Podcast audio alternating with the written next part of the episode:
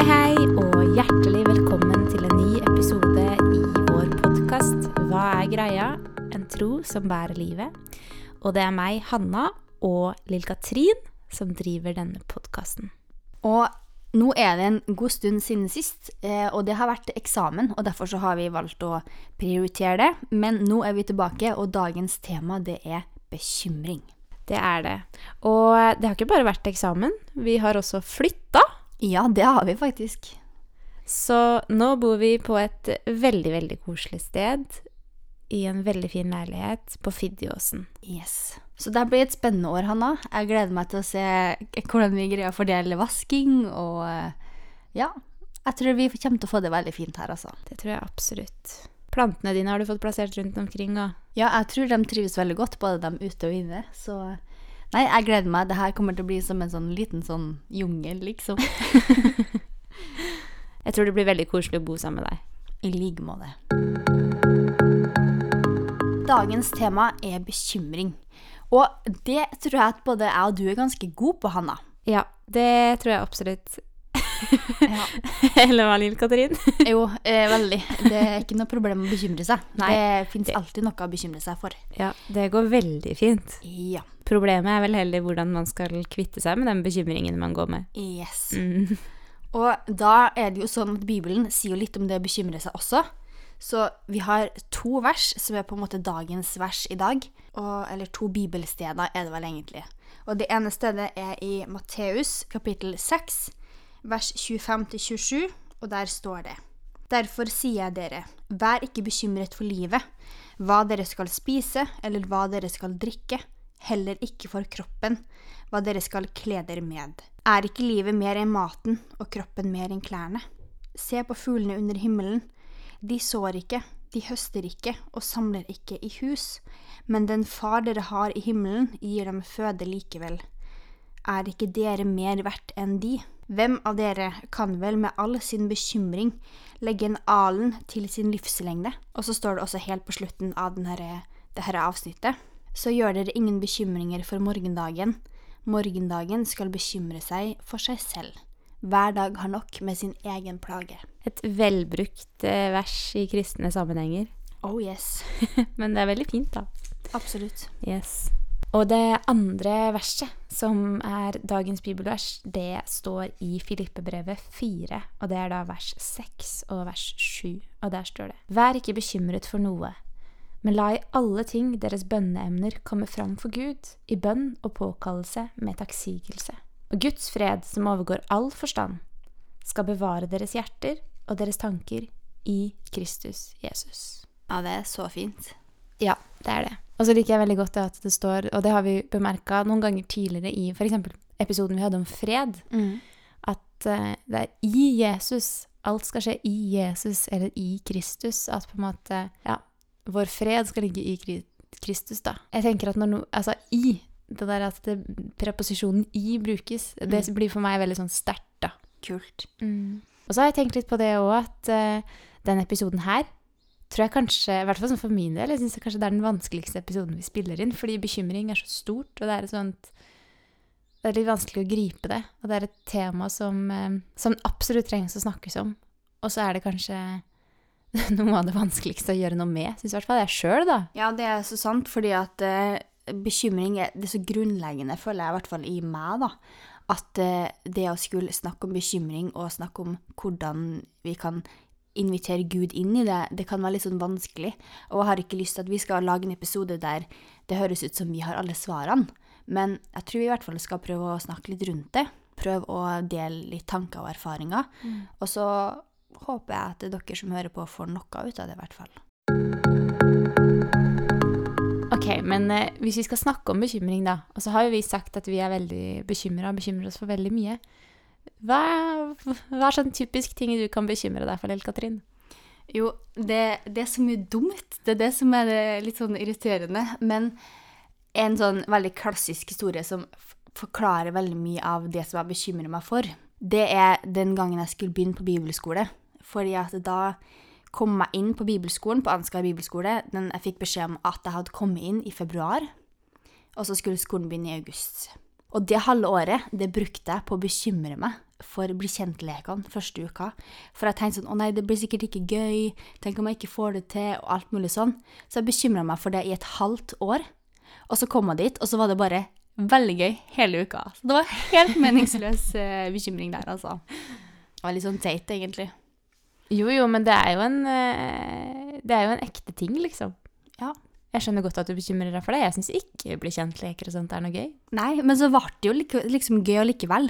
Og det er jeg jo veldig glad for, men det var en sånn merkelig ting. Og jeg var bare redd, tror jeg, for at det ikke skulle gå bra, på en måte. Ja. Det var jo en ny greie, og tenk om jeg ikke fikk det til, eller ja. Jeg er sikker på at det er eh, mange som kan kjenne seg igjen i den følelsen, inkludert meg sjøl. ja. Ja. En annen sånn historie, det er fra når jeg skulle Jeg tror det var et år jeg skulle flytte sørover hit. Og så skulle jeg kjøre bilen til mamma og pappa med tilhenger på, sammen med mamma og pappa, da.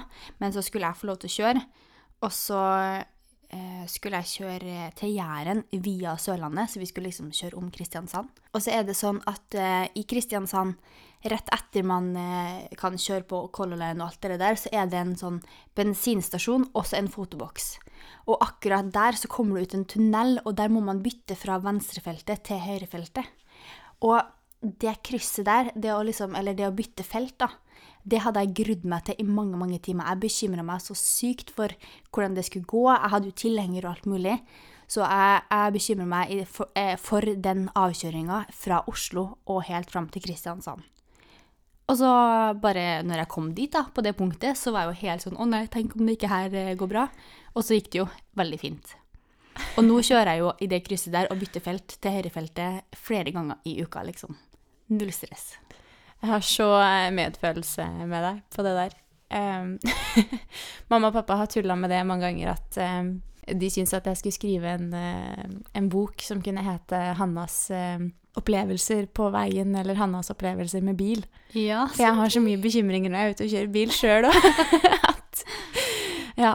De, de syns jeg har eh, litt mange rare, finurlige eh, bekymringer når det gjelder bilkjøring. Ja, men det er litt gøy med den bilkjøringa di, fordi at du På mange måter så imponerer du meg og overrasker du meg. Eksempel det med å kjøre med veldig lite bensin på tanken. Ja da, kan kjøre på ekstratanken. Det gjør ikke noe. Nei, for det bekymrer deg ikke. Nei, men hvis jeg vet, hvis jeg vet at liksom, ok, jeg, har, jeg treffer en bensinstasjon om ikke så altfor lenge, og jeg vet at bilen går dit, på en måte, hvis jeg har 20 km igjen da, så kan jeg helt fint kjøre med 20 km. Altså, det er ikke sånn at når jeg ser at det lyser oransje, så må jeg fylle. Nei. Siden jeg fikk lappen, så har jeg bare vært vant til at ja, jeg kjører den også i tom, og så fyller jeg på. så det er liksom litt sånn Det kommer litt an på situasjonen, men eh, sånn hjemme i Eidsvoll, liksom, eller her rundt omkring i Kristiansand, hvor jeg liksom vet at å ja, nå er det en bensinstasjon om fem minutter, da går det helt fint at det er eh, 30 km på den tanken, liksom. Ja. Det går fint. Det er ikke noe bekymring.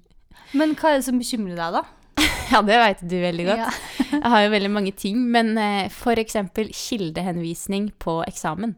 Ja. Det er en eh, big greie. Eh, så jeg har vært, eh, og fått eh, deg, eller ja, vært og fått lille Katrin til å sette opp dokumentoppsettet på den ene eksamensoppgaven mi, og skrive inn kildene mine, eller hjelpe meg med å skrive inn kildene sånn at de blir riktige. Det er helt sånn irrasjonelt. Mm. For det er liksom ikke så lenge du fører opp kilder og sånn, så skal det gå fint. Men eh, det er sånn skikkelig, skikkelig bekymring for meg. Tenk om jeg blir tatt for feil kildehenvisning, tenk om de stryker meg, tenk om Altså, det, det er så mye sånne irrasjonelle greier Mm. som går gjennom hodet mitt da. Så det er et eksempel på en sånn derre småting, eller sånne småting som eh, kan bekymre meg, da. Men det er ganske snedig, da, hvordan sånn, den bekymringa, den frykten, er på en måte, ja, som du sier, veldig irrasjonell. Den har på en måte ikke noe grunnlag sånn egentlig, men det bare, den bare kommer, på en måte. Ja. Men det er kanskje litt sånn det er med bekymring òg. Ja. Noen ting så bekymrer man seg jo med rette, mens veldig mange ting så er det helt irrasjonelt. Men eh, hva gjør du da når du er bekymra? Det kommer veldig an på hva det er jeg bekymrer meg for. Ja. Noen ting er jo på en måte sånn ok, dette kan jeg helt fint kontrollere sjøl. Mm. Mens eh, andre ting så kan det hende man kjenner at oi, nå trenger jeg at, eh, at andre folk vet at jeg er bekymra. At andre folk eh, kan f.eks. være med å be. Kan sende en melding ut til eh, noen jeg stoler på og bare hei, hei, nå er jeg bekymra. Kan du be for det her? Mm. Og så vet jeg at da har jeg noen som er med og ber. Så det er ikke sikkert jeg føler det så veldig annerledes. Det kan godt hende at liksom bekymring og angst sitter like hardt i, men det å vite at det er noen som er med og ber, og også det å på en måte realitetsorientere seg litt, snakke med folk, det er sånne fine nøkler. Og så har jeg litt sånne lapper som jeg liker å henge opp på veggen. eh, Bønnelapper. Prøver å be til Gud, prøver å henge opp disse lappene på veggen sånn at jeg ser de, eller lapper på speilet. Men det er vanskelig altså, å være bekymra, for det kan til tider føles som om det er ingenting som hjelper på enkelte ting. da. Og det er kanskje derfor vi også syns det er så viktig å ta opp denne episoden her og snakke om bekymring på en ordentlig måte. Ja, absolutt. Det er jo litt å snakke om det sånn at det ikke virker som at eh, bare man knipser, så, så blir alt bra. Men, men å bare kanskje gi noen verktøy også, da. Til hvordan man kan møte bekymringa si. Ja, fordi de bibelversene som vi leste innledningsvis, er jo liksom veldig sånn Ja, men bekymre dere ikke, liksom. Og det er ikke så lett. Og det tror jeg Jesus visste òg. Eller det visste Jesus, at det er jo ikke lett å ikke bekymre seg. Men eh, han sier det jo fordi at han er større enn det vi måtte gå og føle på. Mm. Men så syns jeg faktisk f.eks. sånn som bibellesning det liksom, Jeg merka det sånn i perioder hvor jeg bekymrer meg, at liksom Det er jeg kanskje ikke så god på, da. Nei. Og så bare Å ja, må ta opp Bibelen, ja. Det kan være en kilde til å liksom roe meg ned litt. Det er lurt å gjøre. Mm. Sett deg ned og les noen vers i Bibelen. Prøv å få et annet fokus. Ja. Mm. Hva gjør du når du bekymrer deg, da? Nei, da har jeg liksom to ting. Det ene er bønn. Da ber jeg masse, og da kjenner jeg faktisk at kroppen min blir rolig. Og en annen ting er at jeg må snakke med noen. Jeg må liksom bare nevne det, si det høyt. Fordi av og til så kan jeg sitte med en sånn veldig sånn teit bekymring som ikke er reell i det hele tatt. Og når jeg bare får sagt den høyt, og kanskje blir litt speila av noen andre, så innser jeg jo det her er jo helt urealistisk, Lill Katrin. Nå er du på bærtur. Og da får jeg henta meg inn igjen, og da finner jeg en ro, da. Så av og til så er det bare å dele bekymringa, for da blir den litt sånn Da blir den litt mindre, faktisk. Ikke like sånn stor og tung, så det hjelper veldig. Så bra. Her med bekymring, det er jo ikke et nytt fenomen. Det er jo veldig gammelt. Det har jo vært siden tidenes morgen, tror jeg. Siden de første menneskene. Og vi leste jo noen bibelvers om bekymring, så vi kan lese ganske mye om bekymring i Bibelen. Vi prøvde å finne noen bibelske personer som bekymra seg, og så fant vi ut at det er jo egentlig veldig mange historier i Bibelen om bekymring. Hanna, kan ikke du lese en av dem vi har funnet? Jo, fordi vi tenkte jo, som du sa, først på personer som Mm. bekymrer seg. Og så begynte vi også å tenke på Ja, men Jesus, han gjør ganske mange under. Og hva er det de underne der er tegn på? Jo, det er tegn på De viser ofte til bekymring, at det har vært en bekymring på forhånd. Eller et spørsmål som på en måte kan eh, virke som er preget av bekymring. Mm. Eh, og så gjør Jesus under, og så blir det litt sånn wow. Jesus er stor, liksom. Da har vi f.eks. et eksempel hvor Peter blir spurt av noen av disse som skal kreve inn skatt, om hans mester, altså Jesus, betaler skatt. Og så svarer Peter ja. Og så møter Peter på Jesus litt senere, og så sier eh, Jesus til Peter at gå ned i sjøen, og så kast en krok i vannet, og så trekke opp en fisk, og i den fisken så skal du finne en peng, og den skal du gi til skatteinnkreverne for meg og for deg.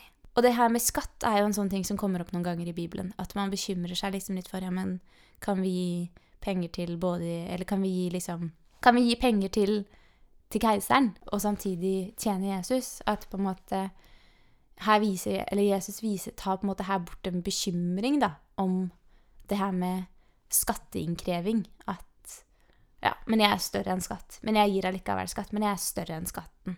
Ja, for han sier jo også et annet sted der det er snakk om ja, er det feil å gi til keiseren, så sier han gi keiseren det som han skal ha, og Gud det han skal ha, liksom. Så han tar bort en sånn verdslig bekymring, da. Sier at liksom, ja, men det er greit. Men husk at jeg på en måte er mm. En annen fin historie om bekymring, det er jo den når Jesus stiller stormen. Og da har han jo vært ute Eller han Da drar Jesus ut i båten sammen med disiplene sine, og så sovner Jesus underveis. Og så blåser det opp til, så det blir skikkelig storm. Og disiplene blir redd, står det, og så roper de til Jesus at 'Mester, mester, vi går under'. Så reiser Jesus seg opp, og så truer han stormen, og så blir det blikkstille. Og her er det jo veldig tydelig altså Hadde det vært meg, så hadde jo jeg vært livredd og vært på, midt ute på sjøen, og så hadde det vært full storm, liksom. Men eh, Jesus bare viser at han er større enn stormen. Han vil roe hver storm, da. Det sier veldig mye om Jesus sin makt og hans eh, plass, men det sier også noe om at Jesus kan roe stormen i mitt liv og i ditt liv, liksom. Så den, den historien her har sånn dobbel betydning. Mm. Ja, for han har både makt over naturkreftene, som ikke vi kan ha makt over, og så har han makt over ja, alt det andre da, som vi måtte møte på. Ja. Mm. Så finner vi også i Bibelen flere historier hvor Jesus metter store folkemengder. Og den ene historien, da metter han 5000, og da er det pluss kvinner og barn. Og da er det ut fra fem fisk og to brød. Og så blir det da tolv kurver igjen med mat etterpå. Og dette skjer fordi at disse menneskene følger etter Jesus, fordi de ser at han gjør under iblant dem. Han eh, helbreder syke. Så det er liksom det som er innledninga. Det står innledninga til historien er at eh, de følger etter han fordi han gjør under og helbreder syke. Og så gjør han enda et under her, og metter da denne folkemengden når de ikke har mat, da. Og det tenker jeg er så fint, for det viser oss at eh, Jesus han bryr seg om vår sykdom, og han bryr seg om vår sult, og han ønsker å fylle alle våre behov, da. Ja, og ikke bare de åndelige, men også de verdslige. At ja, er du sulten, så vil faktisk Jesus eh, være din forsørger, da, og vil gi deg mat, og eller gi deg det du trenger i livet. Ja, og da kan du jo gå litt tilbake igjen til de to bibelversene vi har som dagens bibelvers. At ja, bekymring er en vanskelig greie, men Jesus er med, da. En annen historie det er også det med Peters fiskefangst, som det heter i min bibel, som det står om i Lukas 15. Når Jesus kaller disiplene, og når han kaller Peter. Og jeg syns det er så kult i eh, den serien som heter The Chosen, så får vi litt sånn eh, Da setter de denne historien inn i en slags kontekst, ikke sant? At det handler om skatteinnkreving, og at de må liksom ha nok penger, og må ha en sånn stor fangst for, for å få sletta gjelden sin og alt mulig sånn. Og så vet vi ikke om det var akkurat sånn det var, men sannsynligheten for at det var litt sånn at det handla om penger, at de var jo fiskere av yrke, det kan jo godt være at det var sånn. Og det har jeg ofte tenkt på etter jeg har lest den teksten her, at når Jesus kommer inn i båten først, så, så står han og underviser folkene på land, og så går han inn i den båten til Peter, og så underviser han folket der, for da funker jo det som en mikrofon, ikke sant. Så sier jo Jesus etterpå, han er ferdig med å undervise, eh, sett garnet ut på nytt, liksom. Og så gjør han det, og så kommer det masse fisk, og det blir liksom Det er så mye fisk at garnet holder på å revne, da. Og jeg bare tenker for en blessing for Peter og for hans eh, brødre, da, at, eh, eller hans bror. Plutselig så bare får han masse fisk. Han, han har på en måte sikra inntekta si, da. Vi vet ikke om det var en bekymring for han akkurat der og da, det med økonomi, men kanskje var det det. Å bare si at wow, når jeg følger Jesus, eller Jesus vil gi meg overflod av det som jeg trenger, det syns jeg er så fint med den historien her. Og den siste historien som vi har funnet, det er den fra bryllupet i Kana. Der Jesus er invitert, ikke sant, og så går de plutselig tom for vin. Og så er jo det her kjente eh, vinunderet, at Jesus gjorde vann til vin. Det er jo ganske stort i seg sjøl, men det som er på en måte i den historien her, det var jo at det, når du er liksom, når du er host, når du, er måte, når du arrangerer noe, og så går du tom for vin i en sånn type fest som bryllupet, det er jo egentlig skandale, liksom, i det samfunnet her. Jeg vil liksom tro at dem som arrangerte denne bryllupsfesten her, var bekymra og tenkte oi, hva gjør vi nå? Vi har gått tom for vin. Og så bare sier mora til Jesus at men Jesus, kan ikke du gjøre din greie nå? Og så gjør Jesus etter hvert faktisk sin greie og gjør vann til vin. Og så blir det huska for at han gjorde det underet. Men her ligger jo mye bekymring bak, ikke sant? Tenker jeg, i hvert fall jeg, da, og vil jeg tro, at eh, hva skal vi gjøre? Vi har, vi går, vi er gått tom. Det, det her handler liksom om familiens rykte.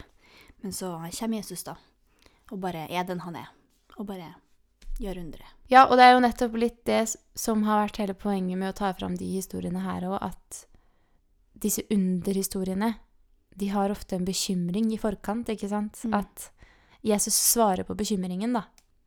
Og så vil det kanskje ikke se helt sånn ut for oss, men vi har et, eh, en bibel som vitner om at Jesus han fyller alle de jordiske behovene, og mer til, da. Eh, og det er det vi håper at kommer litt fram gjennom disse underhistoriene, da. Og så er det jo bekymringene våre, de ser jo litt annerledes ut i dag, men Når vi satt og snakka om det her, nå, så tenkte jeg egentlig på at den leiligheten som vi sitter i nå, Hanna, det er skikkelig sånn bønnesvar. Og det er på mange måter Guds svar på i hvert fall min bekymring, da. Fordi det å finne seg et nytt sted å bo, det er ikke bare bare. Å finne, en ting er å finne et sted å bo, en annen ting det er å finne et hjem, og finne et sted der man kan trives.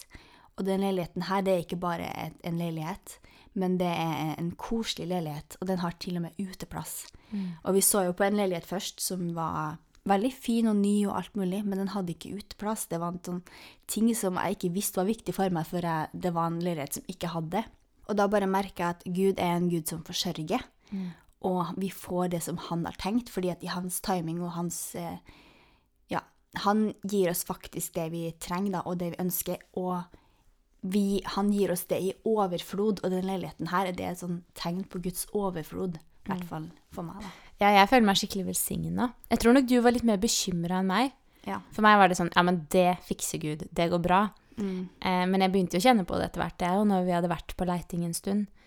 Men jeg føler meg sykt velsigna, for vi har liksom fått en leilighet med store vinduer, med ålreit kjøkken, med uteplass, som du sier, egen verandadør, parkeringsplass til bilene våre. Eh, det er så mange ting som bare Det føles ikke ut som vi er studenter, da. Nei. Det føles ut som eh, endelig Nå har vi landa i et hjem, på en måte. Mm. Eh, og det er ut, så utrolig viktig for meg. Fordi jeg har merka at jeg har savna det de åra jeg har bodd her nå. At, liksom, at der jeg bor, er et fristed. Eh, at det føles godt at eh, jeg trives skikkelig, skikkelig godt da, med veggene og det jeg har rundt meg. Mm. Jeg har hatt veldig fine kollektiv jeg har bodd i. Men eh, jeg har liksom ikke kanskje trivdes så godt med, med bygningen, hvis Nei. det er lov å si, da. Mm. Men her føler jeg det som en sånn skikkelig velsignelse. Mm. Mm. Så er spørsmålet da hvordan skal man snakke om bekymring? Ja. Det er et veldig godt spørsmål. Vi har jo vært inne på det her at um, ja, vi skal hvile i Jesus. Og du sa noe veldig kult i går, fordi du hadde funnet noen historier i Bibelen som du, hadde, som du så på, på en, eller fra et annet perspektiv enn det jeg hadde tenkt på før, og det var om Sakkeus og om den bortkomne sønn. Og jeg er liksom sånn som den bortkomne sønn. Den er sånn eh, Litt sånn for meg bare sånn Ja, den historien igjen, liksom. Men du ga meg et litt nytt perspektiv på den. Kan ikke du bare fortelle litt hva det var du tenkte rundt de to historiene? Jo, jeg tenkte på at uh, de her eh, som det gjelder, da, uh, i Den bortkomne sønn, så er det jo en sønn som er hjemme til pappaen sin først. Og så reiser han ut, men så savner han det, på en måte, det, det, det fellesskapet han var en del av, den familien. Og så er det også en eh, historie om Sakkeus. Og det, det Jeg tror det må være min favoritthistorie i hele Bibelen. Men han var jo også sannsynligvis jødisk. ikke sant? Han var jo en jøde som ble en toller. Det er det man i hvert fall tror, hvis jeg husker riktig, da. Og det som er med de her to, det er at jeg, jeg vil ikke prate om bekymring på en måte som er sånn at hvis du bare ber til Gud, så be forsvinner bekymringa di. Men jeg vil at vi skal snakke om bekymring på en måte som gjør at det går an å være kristen og bekymra samtidig. For jeg er så redd for at vi skal snakke om sånne ting som bekymring, om sorg, om vanskelige ting i livet, på en måte som er usunn. Sånn, nesten sånn herlighetsteologi. Be, så skal du få, så detter i hendene på deg. For jeg tror ikke det er sånn det funker. Men jeg tror at Gud er med gjennom det hele. Og det tenkte jeg på i forhold til de her folkene her også, da. Den bortkomne sønnen. Jeg vil ikke at noen skal bli bortkommen, fordi at eh, når de ber om at Gud skal ta bort bekymringa, så forsvinner ikke bekymringa. Og jeg vil heller ikke at den som er bortkommen, skal føle at eh, Hvis de hører på den episoden her og er litt sånn usikre på hvor de står en trosmessig, eller følte at de kanskje har vært kristne en gang, men så har ikke Gud vært den eller gjort det som de ønsker, da. Og så skal de bare oppleve at, eh, at trua rett og slett ryker, da, fordi at, de, at Gud ikke grep inn sånn som de har tenkt seg. Og derfor så er det så viktig at vi prater om bekymring, sånn at det er rom for bekymring, da. Men at det går an å invitere Jesus inn i det, og så vil han møte oss, og så kan vi stole på at han faktisk vil hjelpe oss gjennom det. Og det er så mange ganger, jo mer jeg har bedt til Gud, jo mer jeg har gått veien sammen med Gud, da, så merker jeg at bekymringene mine blir litt mindre. Og det er både fordi at jeg tør å være ærlig med Gud om det. Og så merker jeg at når jeg deler min bekymring, så tar Gud det. Og så kan han gjøre det om til det bedre. Sånn som denne leiligheten her. Jeg har jo bekymra meg masse i forveien for det, men, men jeg merker at men Gud, han, han holder faktisk sine løfter, da. Mm. Men det, det går an å være bekymra og kristen samtidig, på en måte. Det er ikke sånn at man knipser, og så er bekymringa borte bare man ber en bønn. Og det føler jeg er veldig viktig at vi snakker om. Ja, og det er jo litt det som er tanken med den podkasten her òg. Hvor vi har nøkkelsetningen 'en tro som bærer livet'. At vi må kunne snakke På mange områder syns jeg vi er veldig flinke til det i eh, Kristen-Norge. Men det her med å hjelpe hverandre til å se nyansene. Mm. At det er greit å bekymre seg, men det er noe med det å ikke la bekymringa få overhånd. Og vise til nøkler, at på en måte For jeg tror kanskje det er litt det jeg kjenner med enkelte av de bibelske historiene. At det blir litt sånn Ja, dette er fint, og jeg skjønner hva Jesus mener med det, men hvor står jeg nå? Hvordan skal jeg klare å komme dit jeg vil være? Så jeg tror det er veldig viktig. Men eh, fortell litt, da, rundt disse historiene. Sånn som den bortkomne sønnen, da. Han er jo først hjemme ikke sant? hos far, opplever alt bra, og så drar han ut i verden. Eh, og så finner han ut at å, jeg hadde egentlig veldig godt hjemme hos eh, pappa.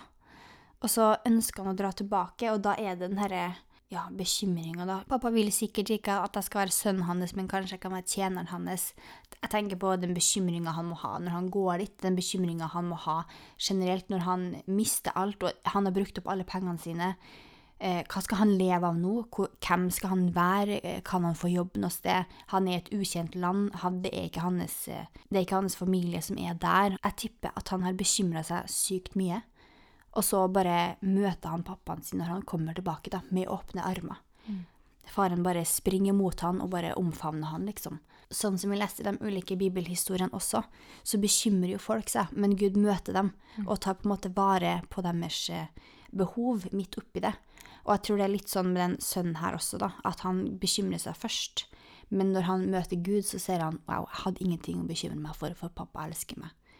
Og det var litt det jeg tenker på, da. Så snakka du også om sånn som Sakkeus, da, at kanskje han At på en måte disse Det er noen opplevelser, da, som gjør at de trenger å bli møtt av Jesus. De trenger at Jesus ser dem og snakker sant og ærlig om livet, da.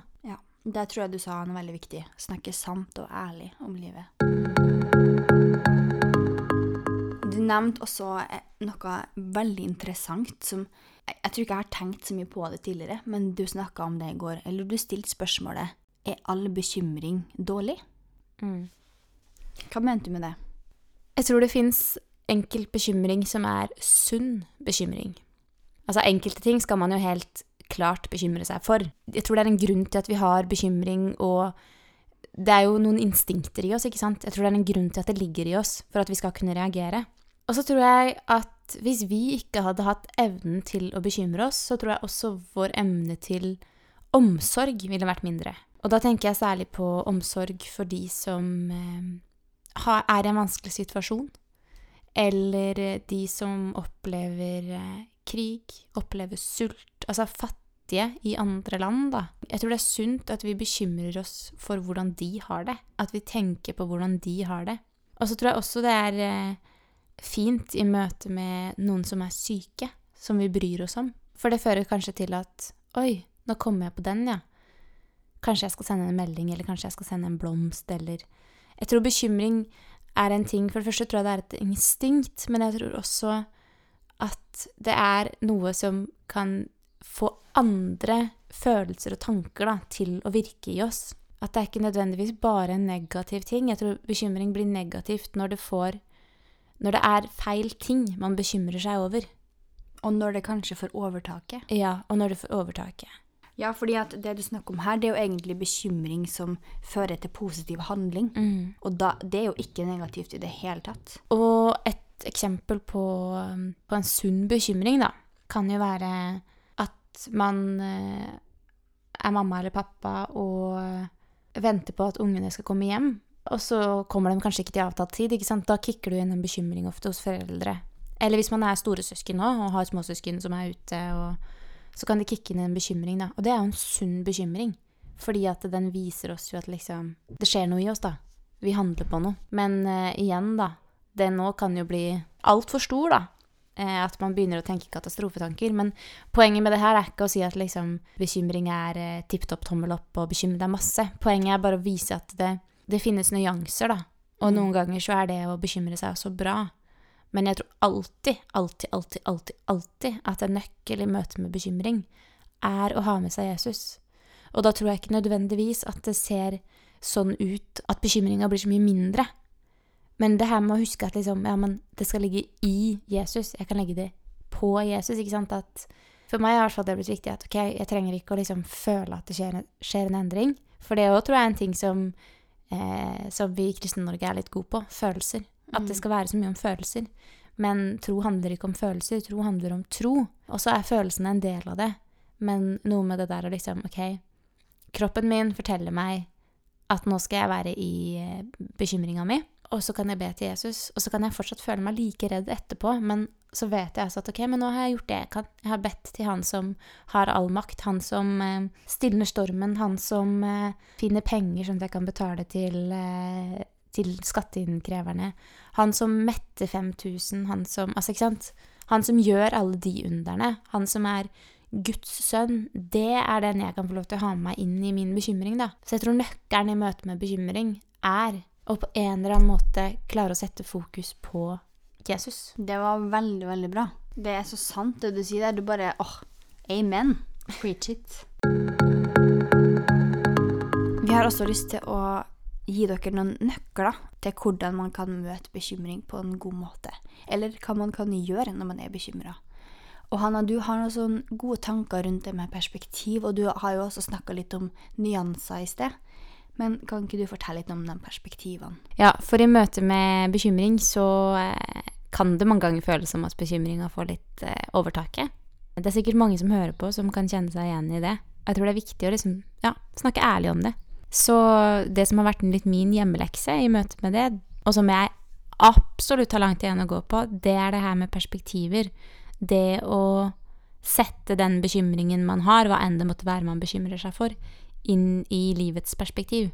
For veldig ofte så er det jo sånn at denne bekymringen her er eh, kanskje ikke så viktig. Eh, og da kan det å si til seg selv at dette er ikke noe jeg dør av, for eksempel da, være en, eh, en fin greie, for da distanserer du deg litt fra selve bekymringa, og så setter du den på plass og gir den en plass i en form for boks. Så får den ikke helt overtak, i hvert fall. Og en annen ting er jo da også som henger sammen med det, er også å tenke at det er ikke sikkert, selv om det føles som at det er verdens undergang, så er det ikke sikkert det er verdens undergang. Det også å fortelle seg sjøl det, det tror jeg er veldig viktig, da. Så vi kan gjøre et godt stykke arbeid selv òg, med å liksom prøve å bruke fornuften, da, i møte med det irrasjonelle. Det er så sant og så sykt viktig. En annen ting er jo det å koble på ja, Jesus og, og bønnen og sånne type ting. Eksempel det å be en bønn, da. Man kan også få noen til å be for seg. Det kan jo være en sånn forbundssetting på, på gudstjeneste, men det kan også være at du bare får en venn til å be for deg. Og det å åpne Bibelen, enten å bare lese hvor som helst, egentlig, for bibellesing er veldig bra for Eller jeg merker i hvert fall at det betyr mye for meg og i min bekymring uansett hvor det er hen. Men det kan også være steder om bekymring, og se hva er det egentlig Bibelen sier om bekymring. Hvordan kan jeg møte det på en god måte? Ja, og så tror jeg også det å snakke med en du stoler på. Eh, litt det her eh, å stikke litt hull på bylla. Eh, og fortelle noen du stoler på. Du trenger ikke å fortelle bekymringene dine til alle og enhver, men til de du stoler på. For da kan de være klar over det, og så kan de prøve å møte deg på det. Og så kan de kanskje være med å be for deg. Så tenker jeg også hvis eh, ja, Snakke med en eh, hvis man er student og har tilgang på en studentpastor, eller altså Det er mange ting man kan gjøre, da. Men finn de stedene hvor du kan få lov til å ventilere. Hvor du kan få lov til å bare slippe alt det du har i hendene, da. Jeg tror det er veldig fint. Og så også det her med Ja, hvis man er som Sånn som jeg liker å henge opp lapper. For da ser jeg på en måte Det kan være bibelvers, og det kan være bønner. Men da har jeg det på veggene mine. Så ser jeg det når jeg går rundt i rommet. Så blir det en litt sånn symbolsk greie. Og så har jeg hørt det en gang, og jeg vet ikke, jeg husker ikke hvor jeg har hørt det hen, så det, det kommer ikke fra meg i hvert fall, men det, det er sånn tips med at man kan skrive ned bekymringene sine, og på en måte greie å skille mellom hva kan man gjøre noe med, og hva er det man ikke kan gjøre noe med. Og så gå og gjøre noe med dem du faktisk har, eh, har mulighet til å, å forandre, da. Mm. Og dermed så vil du merke at de andre bekymringene kanskje også slipper litt taket. Mm. Og så tror jeg det her med også ha um, omsorg overfor seg sjøl, og det å rose seg sjøl for det man får til, da, i perioder med bekymring, det tror jeg er også en viktig nøkkel. At man setter seg ned, eller at man Ja, litt sånn som at man kanskje skriver ned dette og dette og dette er jeg stolt over, dette har jeg fått til. Ta med seg sine seire i møte med de bekymringene man står overfor i dag, da. Og så tror jeg på en måte at eh, litt igjen, som jeg snakka litt om i stad, at det her er ikke noe sånn hokus pokus at du gjør det én gang, og så er det borte. Fordi eh, bekymring vil vi møte på gjennom hele livet. Og man kan jo tenke at åh, yes, nå har jeg overvunnet den bekymringen, nå vil jeg ikke føle på bekymring i møte med det, eller i møte med lignende ting. Men plutselig så kicker det inn en bekymring. Og da tror jeg bare det å bruke disse nøklene, men også liksom tenke at bekymringa er der. At man ikke nødvendigvis eh, Ja, det handler ikke om følelser, da. Men det handler om det at man velger å legge det på Jesus, og at man eh, velger å jobbe med det man står overfor, da. Mm. Ja, og så tror jeg av og til at det kan være litt sunt og lurt å skifte fokus og gjøre noe annet. Hvis du er bekymra for eksamen, f.eks. Ta én time, da, og så gå ut og kjøpe deg en is og sitte i solnedgangen. Og bare gjør noe som er koselig. Pappa lærte meg noe for mange mange år siden, og han, han kaller det for et lite lyspunkt hver dag. Og det kan være alt fra en eh, ja, å se på solnedgangen til å ta seg en kjøretur, høre på en fin sang. Men midt i det som er vanskelig, da, midt i bekymringa, så bare skift fokus. Og så kan det hjelpe på å liksom lette litt på den følelsesmessige byrden det kan være, da. Mm. En annen ting er jo også det å um, takke. Ja. Det går jo litt på det her med å liksom se på hva man har opplevd, og hva man har klart så langt, da. Men eh, takke for at eh, Takk for at du ser den utfordringen. Takk for at du er med, og takk for at det går bra. Ikke sant? For eksempel, da. Og så tenker jeg også det å bruke de du har rundt deg. Spesielt kristne. For vi er eh, Jesu kropp på jorda. Så det å ha omsorg for hverandre og Ja, jeg tenker vi skal ikke være så redd for å liksom bruke hverandre i møte med bekymring, da. Vi kan gi hverandre perspektiver, og vi kan hjelpe hverandre. Og det tror jeg er mye av liksom kirkens mening òg, da. I denne episoden her så har vi snakka om bekymring. Hvordan bekymring ser ut for oss. Hva som det står i Bibelen om bekymring. Noen historier om at bekymring det skjer selv om man har en tro på Jesus, men at det går fint så lenge man inviterer Jesus inn i det, og så vil han hjelpe oss til å håndtere det på en god måte.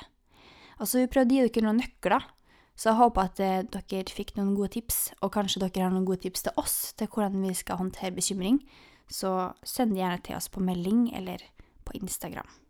Nå helt til slutt så vil Hanna lese Salme 139. Og den er som en slags bønn over oss, og at eh, For at Gud kjenner oss, og han vet hva vi trenger, og det kan være en god trøst inn i bekymringa vår. Herre, du ransaker meg og kjenner meg. Hvor enn jeg sitter eller står, så vet du det. Langt bortefra kjenner du min tanke. Min sti og mitt leie blir gransket av deg. Du kjenner nøye alle mine veier. Ikke et ord er på min tunge. Se, Herre, uten at du kjenner det helt og fullt allerede. Bakfra og forfra omgir du meg, og du har lagt din hånd på meg. Å forstå dette er for underfullt for meg, det er for høyt. Jeg kan ikke fatte det. Hvor kan jeg gå bort fra din ånd, eller hvor kan jeg flykte fra ditt ansikt? For jeg opp til himmelen, så er du der. Redder jeg leie i dødsriket, se, da er du der. Spenner jeg morgengrødens vinger, setter jeg bo ved havets ytterste grense. Selv der skal din hånd lede meg, og din høyre hånd skal holde meg fast. Om jeg skulle si sannelig mørket skal falle over meg, så skal likevel natten være lys rundt meg. Sannelig, selv mørket er ikke mørkt for deg, men natten lyser som dagen.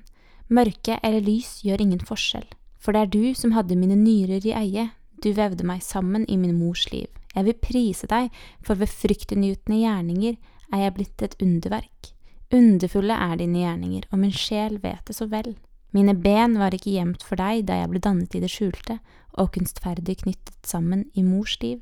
Som foster så dine øyne meg, og i din bok var de alle skrevet ned de dager som var fastlagt for meg, før en eneste av dem var kommet.